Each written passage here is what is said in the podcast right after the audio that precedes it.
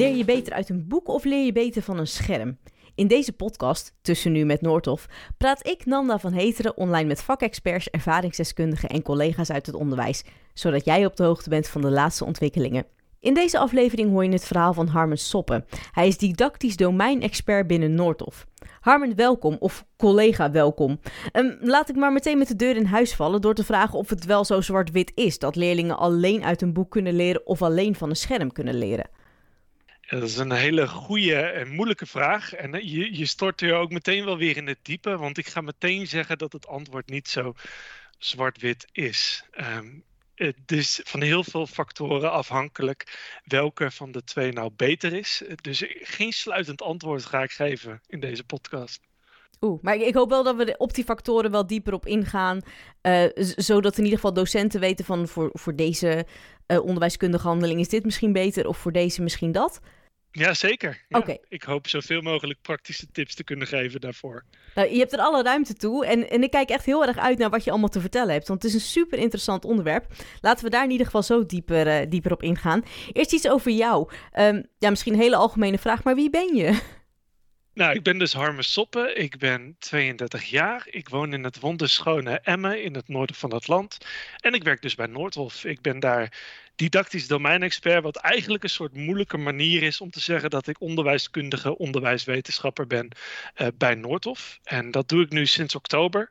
En, maar ik werk al vijf jaar voor Noordhof. Ik uh, ken Noordhof uh, niet als mijn broekzak, want die ken ik nog iets beter, maar wel heel goed. En in die hoedanigheid beweeg ik in Noordhof. Wat, wat heb je dan allemaal hiervoor gedaan bij Noordhof? Ik ben, ik ben als uh, content manager en als educatieve contentontwikkelaar, wat ook twee dezelfde uh, titels zijn voor hetzelfde wat ik deed. Ik was eigenlijk een soort projectleider die samen met auteurs werkte aan het creëren van methoden. Dat heb ik voor het basisonderwijs gedaan, maar ook voor het voortgezet onderwijs. Oké, okay, en, nu, en nu dus uh, didactisch domeinexpert? Ja. Leuk. Ja, ja. switchen. Ja, het, het is inderdaad wel echt, echt iets totaal anders, maar ik denk ook wel heel erg interessant en heel erg leuk. Dat, uh, dat denk ik zeker. En het past ook wat meer bij mijn achtergrond. Ik ben namelijk opgeleid als onderwijswetenschapper. Ik heb daar mijn master gehaald. En tijdens mijn stage kwam ik bij Noordhof terecht. En toen ben ik dus eerst in de hoedanigheid van projectleider uh, aan het werk gegaan. En later, toen kwam daar een vacature vrij die mij zeker aanstond. Want hij ging wat meer in op mijn achtergrond uh, als onderwijswetenschapper. En toen ben ik daarvoor gegaan. En gelukkig zit ik daarom nu in deze hoedanigheid hier. Waarom is dan deze functie van didactisch domeinexpert binnen Noordhof in het leven geroepen? En ja, met welk doel? Nou, wat je ziet is dat er vanuit de uh, praktijk, hè, leerkrachten, leerlingen, gewoon het hele onderwijsland, vraagt ook steeds meer van de methode. En, en wij maken al jarenlang hele kwalitatief goede methoden, maar we zien ook dat daar nog kansen liggen. En die kansen liggen de, in mijn optiek vooral dat we de onderwijswetenschap en de onderwijsinnovaties dichterbij uh, onze methode brengen. Dat we meer gaan testen in de praktijk, maar ook vanuit de wetenschap gaan kijken van wat werkt er nou? En vanuit die hoek, en dus vrij weinig vanuit de hoek van de klant, maar veel meer vanuit de wetenschap, is deze functie gecreëerd. Zodat we eigenlijk een soort gesprekspartner zijn voor de mensen die zowel voor ons werken, als in auteurs, als de mensen die binnen Noordhof werken, uh, zoals de uh, uitgevers en andere projectleiders, om een gesprekspartner te zijn en mensen scherp te houden op wat er wetenschappelijk bewezen is en hoe je dat kan toepassen in de praktijk. Leuk. En eh, zonder voor mijn leerlingen te spreken, ik hoor ze eigenlijk al nu zeggen in mijn oor, maar dat is ook super handig voor ons. Hier gaan wij ook veel aan hebben. Ja, dat, dat hoop ik inderdaad. Idealiter heeft dit voor het hele onderwijs en daarmee dus voor iedereen echt een enorme toegevoegde waarde. Maar ja, dan ga ik iets te veel op mijn eigen borst kloppen natuurlijk. Uiteindelijk werken we er met z'n allen aan dat, uh, en ook leerlingen en leerkrachten werken we er met z'n allen aan om zo goed mogelijk onderwijs te geven. En dus we moeten onszelf ook niet te groot maken daarin. Maar we moeten de rol pakken die we daarin uh, uh, moeten hebben. En de verantwoordelijkheid die we daarin willen nemen. Precies, en, en daar gaat deze podcast natuurlijk over. En dan vooral over het stukje wat jij daarin toevoegt. Terugkomend, hè, je, je had net al iets verteld over je eigen studietijd, maar nog niet over je eigen middelbare schooltijd. Um, als je daaraan terugdenkt, hè, welke drie woorden komen dan als eerste bij je op en, en waarom? Ehm, ja, dat is wel drie woorden, hè? daar vraag je me wat. of Ehm, drie korte zinnen of iets dergelijks. drie korte zinnen. Ja, ik denk wat, wat er als eerste in me opkomt, is, is dat ik het wel een. Het op school zi- zitten, het, het op de middelbare school zitten, vond ik wel een gruwel af en toe. Maar Oh. het was vooral ook heel sociaal. Dus ik zou het leren vooral willen omschrijven als een gruwel en alles eromheen als heel leuk en sociaal. Dus ik, ik was ook echt geen voorbeeldige leerling. En zo zou ik mezelf ook wel willen klassificeren. En daarin komt ook wel een beetje de fascinatie die ik heb voor onderwijs vandaan.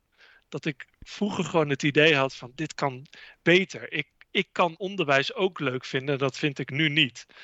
En eh, daar is, de, is mijn passie een beetje uitgegroeid. Maar, maar wat maakte het dan zo gruwel? Het feit dat je gewoon letterlijk met je boek voor je zat en maar moest stampen van Franse woordjes of jaartallen bij geschiedenis of... Tenminste, dat zeggen mijn leerlingen, dus ik vul dat maar even Ja. voor je in. Heel onbeleefd. Ja, nee, ik denk dat dat, dat, nee, ik denk dat, dat zeker een, eh, een, een, eh, een factor is. En ik denk ook de, de afstand die ik voelde tussen veel van mijn leerkrachten, docenten en mijzelf, of de leerstof en mijzelf, dat ik het gewoon het belang van de dingen die je doet op school zien in het grotere geheel. Hè? Waarom moet je nou die jaartallen leren? Ik heb dat heel lang niet gesnapt, totdat ik op een gegeven moment zelf interesse begon te krijgen in dus het vak geschiedenis en in wat geschiedenis kon bieden. En dat het dan toch wel handig is dat je een, een jaartal weet, zodat je het in het grotere geheel kan zien. Maar ja, als ik, als ik gewoon een boek voor mijn neus kreeg en de opdracht van ga dat jaartal uit je hoofd leren, dan was mijn puberbrein van toen was er totaal niet aan toe. Ik denk ook dat dat niet, niet werkt of zo. Want Het is veel te, te, te klinisch, veel te stijfjes, veel te... Je kan er nog geen beeld bij vormen. Ik bedoel, als, als ik bedenk van... Hè, ik ben niet heel veel ouder dan jij, maar...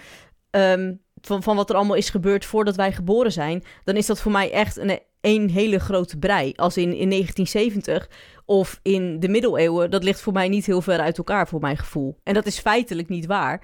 Maar omdat het allemaal voor mijn tijd was, kan ik het heel moeilijk plaatsen in die zin.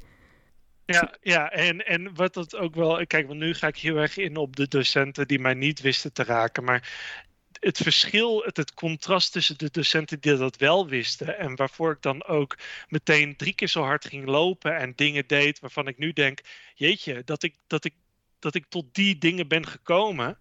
Dan denk ik wel van ja, daar zit het onderscheid. Hè? Je hebt gewoon als docent zo'n gaaf beroep. En je kan dan zoveel bereiken. Ehm, en, en die fascinatie die ik vroeger soms voelde en soms niet, ja, die, die is mij heel erg bijgebleven van mijn eigen middelbare schoolperiode. Ehm, er is veel lesmateriaal beschikbaar en dat is zowel in boeken als digitaal. Hoe kies je dan als docent het juiste medium? Ja, je kan als docent wel gebruik maken van bepaalde modellen om te kijken in hoeverre de technologie eh, jou in de klas kan ondersteunen. En een model wat we daarvoor kunnen gebruiken is het SAMR-model. Ehm, en dat staat eigenlijk voor, Substitution, Augmentation, Modification en Redefinition. Dat klinkt, klinkt vrij, vrij eh, ingewikkeld, maar ik kan er wel even doorheen eh, heen praten. Ehm, eigenlijk omschrijft het de verschillende manieren waarop technologie een vervanger is voor materiaal wat je eigenlijk al hebt. Waarin op het laagste niveau eh, substitutie is het een substituut. Dus echt een één op één vervanger van iets wat je al hebt. Dus denk bijvoorbeeld aan een boek wat als PDF wordt aangeboden. De, technologie biedt niet iets nieuws aan dan wat een, wat een boek doet, maar eh, het biedt hetzelfde aan, maar in een andere vorm. En als die vorm is precies waar je naar zoekt, dan is een substitution is misschien goed om naar te kijken. Eh, maar als je meer wil, dan zou je misschien nog een stapje hoger moeten. Dan ga je bijvoorbeeld naar de augmentation. Het is niet alleen een directe vertaling, maar er zit ook functionele verbetering in.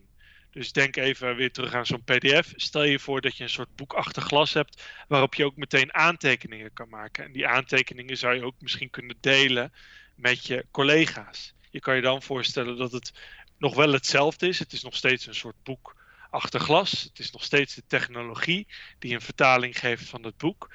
Maar er wordt ook wat extra toegevoegd. Ga je nog een stap hoger kijken, dan kom je bij de M van modification. Dan zie je echt dat je een, een, een soort um, herdefiniëring krijgt van de taak die je toevoegt met het bepaalde middel. Uh, als we dan even gaan kijken weer naar dat betreffende boek achter glas. Stel dat je het boek nou helemaal uit elkaar trekt in de losse onderdelen die het bevat. En die in een bepaalde volgorde kan aanbieden. Zodat je telkens precies hetgene kan voorpakken wat je nodig hebt. Als echt je taak daarmee veranderd wordt, dan spreken we dus van modification. En de laatste stap, en dat is dan echt nog weer, uh, gaat nog weer drie stappen verder eigenlijk. Dat is de redefinition. Daarneer daarin biedt technologie dus echt iets compleet nieuws. Wat je met een ouder middel eigenlijk helemaal niet kon. Dus eh, misschien ook zelfs dingen waar je nog niet eens over na hebt gedacht. En het enige waar ik, waar ik meteen aan moet denken is hoe ChatGPT op dit moment een behoorlijke schokgolf geeft in het uh, onderwijsland. En waarop we opeens geconfronteerd worden met een technologisch middel. Wat ons hele denken over onderwijs, hele nieuwe taken, uh, andere manieren van omgaan met, uh, met technologie te, te werk brengt. En, en ja, dat zijn manieren om naar technologie te kijken en in hoeverre um, je dat kan implementeren als, uh, uh, als docent. Super interessant. Maar dan kan je dus en uh, differentiëren op opdrachten, maar ook in, in dat model van wie welk gedeelte gaat doen, bijvoorbeeld van een bepaalde vraag. Of, of zie ik dat verkeerd? Zeker. Ja, ja, ja, je gaat kijken op welke mate bied ik technologie aan, welke mate uh, van, van deze uh, vier stappen past bij mij en in mijn uh, onderwijssituatie? En wat voor plek heeft de technologie daar dan in? Is het echt iets vervangends? En dat kan nog steeds een hele goede reden zijn om iets in te voegen. Maar over het algemeen wil je toch ook wat meer bereiken. En dan is zo'n model is een hele goede meetlat om eens goed kritisch te kijken naar de oplossingen die, die je in de klas haalt. En, en als je dan eenmaal het medium hebt gekozen, wat is dan jouw rol als docent? Als docent ben je natuurlijk verantwoordelijk voor wat je met het middel doet. Uh, het, is, het is heel belangrijk dat je het systeem niet de leider laat zijn. Het systeem moet niet jouw klassenpraktijk gaan bepalen. Dus je moet ook vooral de regie pakken op het moment dat het systeem iets doet waarvan jij in jouw professionaliteit ziet dat het jou in je, in je klassensituatie hindert als het aan de haal gaat met, met uh, als je merkt dat leerlingen uitvallen, juist om de techniek of omdat ze uh, moeite hebben om bepaalde leeropbrengsten te laten zien, dat zijn momenten om in te grijpen. Dus een, een, een, middel kan je heel erg helpen, kan je ondersteunen. maar je bent als leerkracht gewoon wel verantwoordelijk en die verantwoordelijkheid kan je heel mooi pakken door de technologie aan zet te laten af en toe. Maar door kritisch te gaan kijken en te observeren van wat doet het nou in mijn klas en behaal ik daarmee ook mijn gestelde doel. dus met andere woorden, je hebt nog steeds een controlerende functie en je bent verantwoordelijk voor het uh, eventueel bijsturen. En dan kan het beste zijn dat je een ander deel van het model gaat gebruiken voor die leerling of dat groepje of misschien wel een hele klas. Ja, zeker. Ik kan me voorstellen dat je bij, bij, technologie die, die op een substitution manier werkt, dat je nog veel meer de regie ook in eigen handen hebt, omdat de lespraktijk nog heel erg hetzelfde is als wat die was. En dat kan je helpen om uh, een vertaling te zoeken naar, naar meer technologiegebruik in de klas. Um, uh, maar op het moment dat je op een van de andere uh, niveaus gaat werken, dat je dan ook wat meer regie uit handen kan geven, wat meer in de handen van technologie. En dat je dan een andere rol als, uh, uh, als docent kan pakken. En, en dus wat meer kan kijken naar de leeropbrengsten of naar je leerlingen. Dat je dan je, je rol eigenlijk wat meer verschuift. En, en in hoeverre um, is dat anders? Want ik, snap, hè, ook als je gewoon dagelijks voor de klas staat zonder dit model, dan moet je natuurlijk controleren of dat je leerlingen de lesstof begrijpen en, en bijsturen waar nodig. In hoeverre is dat controleren nu op een uh, ja, iets andere manier omdat het digitaal is, maar zijn er andere tools waar je, of andere vaardigheden of andere dingen waar je op moet letten bij je leerlingen? Ja, ik denk dat het vooral belangrijk is als we die, die vier stappen nog even in het achterhoofd hebben. Dat op het moment dat iets alleen een vervanging is, een substitute of, of misschien ook wel een augmentation, um, dat je dan ook heel veel nog als docent zelf moet doen met het middel. en op het moment dat we meer richting een modification of een redefinition gaan, dan, dan kan het middel ook meer stappen in de, in de uitwerking van je overnemen, waardoor je juist in de afwikkeling en in de observatie uh, meer uh, tijd en ruimte kan pakken. Um, wat dus betekent dat je niet minder doet, maar wel je uh, taken wat meer kan verleggen van het, nou ja, het doen naar het meer kijken, observeren. en geen van beide is per definitie beter want ook uh, tijdens het doen zie je al genoeg en, en ben je, heb je gewoon alles in de vingers. Um, maar het, het kan soms wel eens heel fijn zijn om even een uitstapje te maken en op een andere manier met technologie bezig te gaan.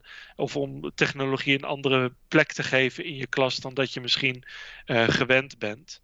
En, en daar helpt zo'n dergelijk model uh, wel goed bij om dat inzichtelijk te maken. Waar voeg jij dan waarde toe in het leerproces van de leerlingen? Ja, dat is, uh, om het zo tastbaar te maken is wel, wel moeilijk, maar ik kan een aanzet doen. Um, waar, waar, waar mijn functie en waar ik samen met mijn collega's aan werk, is een soort bewustwordingsproces. En dat doen we niet alleen uh, binnen Noordhof, maar dat proberen we ook daarbuiten te doen, bij onze auteurs en bij leerkrachten en leerlingen.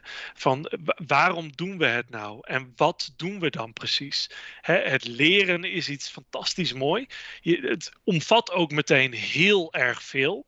En al die factoren, om die op elkaar aan te laten sluiten en zorgen dat je goede keuzes maakt die uiteindelijk ook het gewenste effect hebben.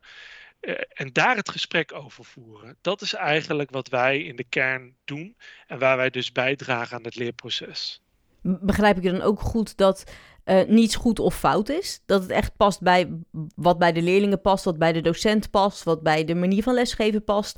Ja, je, je kan, je kan zo mijn functie overnemen, want het is inderdaad wel in de kern waar het, waar het op neerkomt. En natuurlijk zijn er wel dingen die je fout kan doen. En dat is wanneer je afwijkt van een van die factoren. Wanneer je iets doet wat echt tegenstrijdig is in de context waarin je beweegt. Waarin je geen doelen stelt aan, aan een implementatie of aan een interventie die je doorvoert. Wanneer je niet meeneemt welke leerlingen er in de klas zitten dat zijn de voornaamste manieren waarop je echt iets fout kan doen. En in alle andere uh, um, gevallen zou ik zeggen, dan zijn de gradaties van het goed doen. Hey, je kan iets gewoon goed doen, uh, maar je kan daar ook steeds beter uh, bewust van worden hoe je het nog weer een stapje hoger kan brengen. kan je daar een voorbeeld van geven? Stel je voor, um, feedback is een thema binnen, binnen het onderwijs waar we heel vaak over praten. We weten, het geven van feedback helpt de leerling om het leerproces bij te sturen. Maar er is ook wel echt een duidelijk verschil tussen kwalitatief goede feedback en kwalitatief minder goede feedback of zelfs slechte feedback. We weten namelijk uit, uit onderzoek bijvoorbeeld dat er heel duidelijk manieren zijn waarin je het proces van een leerling compleet kan tegenwerken door feedback te geven wat de leerling niet begrijpt of het niet aansluit bij de behoeften van de leerling op dat moment, of wat, wat zo technisch is dat een leerling er niks aan heeft. Maar als je aansluit op bij wat een leerling nodig heeft op dat moment, hè, het soort, een soort ideale blend van alle factoren hebt, dan kan je tot een soort unieke leerprestatie komen die gewoon enorm effectief is. En, en tussen die twee werelden zit er natuurlijk nog een enorme schaal van kleine stukjes verbetering die je uh, kan toepassen door steeds beter te weten wat een leerling nodig heeft. En dat is een kunst op zich. Maar dat is ook natuurlijk onderwijservaring. Want ja, ik, ik neem aan dat, dat je als docent je leerlingen kent en steeds beter leert kennen. En ook ja, naarmate je jarenlang voor de klas staat, daar ook veel meer gevoel voor hebt in de vingers en ervaring. En toch? Hoe, hoe draag je er dan aan bij? Vanuit mijn positie bedoel je? Ja, ja. Nou, wat wij, maken natuurlijk leermiddelen. En in leermiddelen kunnen in die zin ondersteunend zijn aan de leerkracht en ook de leerling. Um, om, om ervoor te zorgen dat je zo min mogelijk uh, zorgen hoeft te maken over bijvoorbeeld de vakinhoud omdat dat al is voorgeschreven. Maar daarnaast kunnen we ook handvatten bieden om het leerproces van leerlingen inzichtelijk te maken. En in het geval van feedback hebben we bijvoorbeeld, um, kunnen wij ertoe bijdragen dat je uh, beoordelingsmiddelen uh, hebt dat, dat er systemen worden ingericht die al een deel van de feedback voorsorteren, zodat je veel beter inzichtelijk krijgt wat een leerling nodig heeft op dat moment. Dus wij, wij zijn daarin een soort ondersteuner voor het uiteindelijke werk wat bijvoorbeeld bij een docent of bij een leerling terechtkomt. Dus ik begrijp goed dat jullie niet alleen de factoren waar we het net over hadden uh, uitsplitsen, maar dan ook nog eens een keer zo aanbieden dat het een soort invuloefening wordt voor de docent en die daar echt praktisch direct mee aan de slag kan in, uh, in de klas. Nou ja, en die invuloefening um, is, misschien, is misschien wat te kort gezegd, want er, daar zit wel echt nog veel kennis en kunde bij de leerkracht uh, om, dat, uh, om dat goed te doen. Maar het is altijd een kunst vanuit ons uh, opzicht om zo dicht mogelijk bij wat de docent en de leerling nodig heeft te komen. En, en in, de, in het ene geval betekent dat je iets meer handvatten geeft, zodat een leerling of een leerkracht het, het wat makkelijker kan invullen. En soms is de behoefte van een leerkracht ook wel heel erg dat ze gewoon vrijgelaten worden en dat ze zelf die sturing hebben. En eh, telkens afvragen van wat heeft een leerkracht dan nodig in welke situatie, is deels een onderdeel van onze werkzaamheden en waarop wij uh, onze leermiddelen maken. Deze podcast die begon met de vraag of dat je beter leert uit een boek of beter van een scherm. Waarom stellen we deze vraag eigenlijk als je al aangeeft dat het antwoord niet zo zwart-wit is?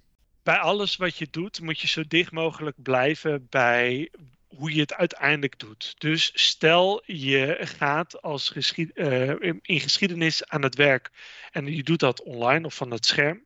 Um, dan moet het wel zo dicht mogelijk bij de vaardigheid liggen zoals je dat uiteindelijk doet. Bij geschiedenis kan ik me voorstellen bij deze vaardigheid dat het in principe niet uitmaakt of je het van het scherm doet of dat je het vanuit het boek doet.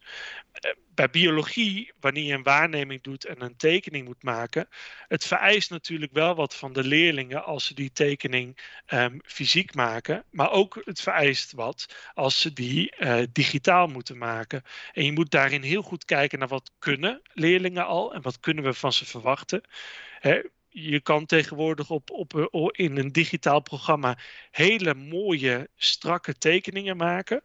Um, maar de traditionele manier van het op papier is vaak ook praktischer. En vergt ook dat je minder hoeft te investeren in middelen. Uh, en dat is ook altijd een vraag die we onszelf moeten stellen: van welke manier is dan het praktisch? En dan kan het dus soms zijn dat de meest praktische manier ook automatisch de beste is. Nu snap ik ook inderdaad dat het antwoord niet zo zwart-wit is. Maar wa waarom stellen we dan eigenlijk de vraag of dat je beter uit een boek leert of van een scherm als het antwoord inderdaad niet zo zwart-wit is? Ja, dat is een hele, hele goede vraag. En het, het zit denk ik een beetje inherent in hoe wij als mensen opereren. Ik denk dat al heel lang voelt de computer of alles wat digitaal is, voelt nieuw, voelt hip. De mogelijkheden zijn daar. Je wordt om, uh, in het nieuws word je, word je overspoeld met berichten over AI, over virtual reality, over ChatGPT. Dat, dat de mogelijkheden biedt van, van hier tot aan de horizon en misschien nog wel verder. En al die berichtgeving en misschien ook het gevoel bij die potentie die je hebt, zorgt ervoor dat je echt de nieuwigheid meer gaat waarderen dan wat het misschien daadwerkelijk op dat moment gaat bieden. En daarom is het ook heel logisch om te kijken naar een computer als een oplossing van problemen waar we op dit moment mee kampen. We zitten in het onderwijs gewoon enorm in de knel met de hoeveelheid tijd die we kunnen besteden aan onze kernwerkzaamheden. De hoeveelheid docenten is, staat enorm onder druk in welke sector dan ook binnen het onderwijs. En we zoeken daarin heel logische wijze naar manieren die het onderwijs makkelijker maken, waarin we meer kunnen doen in zo min mogelijk tijd. En dan is een nieuw middel zoals een computer, zoals digitaal, heel aanlokkelijk om naar te kijken. Maar wat we helaas vaak zien, is dat de manier waarop die dan geïmplementeerd worden of ontworpen worden, dat dan de, het effect wat je aanvankelijk hebt meer een soort novelty effect is, dat dan op den duur afneemt en waar, waarna je uiteindelijk zegt, nou, heeft uiteindelijk toch niet het gewenste effect gehad wat we wilden of wat we voor ogen hadden. Uh, in plaats van dat het echt een gedragen effect heeft voor, uh, voor de toekomst. En dat is denk ik heel inherent aan hoe wij als mensen opereren. En dus ook heel goed dat we deze vragen aan onszelf stellen. Ik, ik ben tegelijkertijd even aan het nadenken dat uh, het antwoord is dus inderdaad niet zo zwart-wit. Maar kan je de vraag dan wel beantwoorden wat beter werkt? Zeker. En dat voelt wat tegenstrijdig als ik net zeg van nou, nou het is allemaal moeilijk, moeilijk. uh, maar het is vooral moeilijk als je een generieke uitspraak wilt doen die voor alle contexten geldt. Ik denk wat wij uh, als on onderwijzers, als mensen in het onderwijs werkzaam moeten doen, is gaan kijken niet wat werkt beter, maar wat werkt beter voor mij. Uit welke onderzoeken zijn deze uitkomsten dan gekomen? En, en hoe zet je dat in om dat in onze leermiddelen te verwerken? Nou, wat, we, wat we zien in heel veel onderzoek is dat het niet zozeer uitmaakt de vorm waarin je onderwijs giet, maar vooral de manier waarop je het ontworpen hebt. De didactiek en de inhoud uh, en, en de context waarin je het geeft en hoe je dat toespitst op al die factoren, dat is uiteindelijk wat het succes bepaalt. Niet de vorm, niet een, nieuwigheidje wat je implementeert. En daarom moeten we ook de vraag um, vers, ver, verstellen van wat werkt er in het algemeen naar wat werkt er voor mij. En dat je gaat kijken en, en gaat implementeren op basis van jouw onderwijspraktijk. Kijken naar jouw leerlingen, jouw behoeften. Dat zijn de dingen die ertoe doen. En daarnaast zorgen dat de dingen die je doet aansluiten uh, bij wat je al eerder hebt gedaan. En dat het ook goed geïmplementeerd wordt. Zoals ik net zei over feedback. Um, als je feedback beschouwt als iets wat je in elke les toepast, dan ga je er soms aan voorbij dat het, dat het ook iets is wat daadwerkelijk het effect heeft. Als je alleen maar gaat afkruisen voor jezelf als docent van nou, ik heb iedereen vandaag feedback gegeven, is, zal dat altijd minder van kwaliteit zijn dan wanneer je jezelf hoge eisen stelt en niet probeert om aan elke leerling feedback te geven, maar om dat aan een aantal leerlingen dan ook goed te doen. En die, die criteria die je zelf dan moet stellen, daar moet je helder op zijn. Heb je drie tips die docenten meteen kunnen toepassen in hun onderwijspraktijk? Over dus uh, waar we het net over hadden.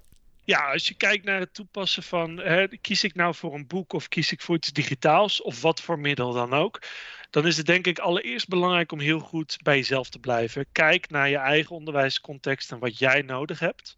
Dat zou echt mijn eerste tip zijn. En vervolgens in de tweede tip, ga dan ook vooral uitproberen. Hè. Zorg ervoor dat het soms kan falen, maar wees ook vooral niet bang om het te laten lukken. Soms zijn we daar ook nog wel weer wat uh, weerhoudend van. En, en als derde van, kijk ook naar dat proces. En neem ook niet iets als, als uh, een eindoordeel aan, maar kijk gaandeweg, want je onderwijspraktijk kan veranderen, je behoeften kunnen veranderen. En kijk gaandeweg over de jaren heen of over de maanden heen of de keuze die je hebt gemaakt nog steeds bij je past. En dat geldt eigenlijk voor alles wat je in onderwijs doet, maar vooral voor middelen die je kiest. En voor de keuze tussen folio of digitaal. Dit, dit antwoord verbaast me enigszins. Want tuurlijk, jij bent de docent, dus jij moet het je leerlingen goed aan kunnen leren, de leerstof. En dan snap ik dat bij de ene docent het via deze manier gaat en de andere, uh, andere docent op die andere manier. Maar je zegt in, in al die drie die tips niets over leerlingen. Nee, en, maar dat is wel de belangrijkste factor waar je naar moet kijken. En zorg ook dat ze een, stem hebben. Laat ze meebepalen waar mogelijk. Geef ze eigenaarschap daarin. En het is ook belangrijk om bij jezelf te blijven binnen je context. En om juist die leerling mee te nemen. Dus heel goed dat je me daarop uh, op aanscherpt. Want dat is zeker niet, be uh, of, uh, zeker niet minder belangrijk om dat aan te geven. Dat dat gewoon een enorme factor is ze zitten daar met meer dan dat jij als docent in je eentje bent. En dat mag dus ook wel wat gewicht in de schaal brengen. En je mag uiteindelijk zelf bepalen. Want het is jouw klassenpraktijk of binnen je school. Maar neem ze vooral mee. Maar dan hoor ik eigenlijk impliciet ook het woord afwisseling. Dus dat sommige opdrachten juist beter uit het boek gaan, sommige opdrachten beter van een scherm. Maar misschien ook wel sommige opdrachten dat leerlingen zelf kunnen kiezen van deze opdracht doe ik van het scherm of deze opdracht doe ik van het boek. Ja, dat kan. Dat kan.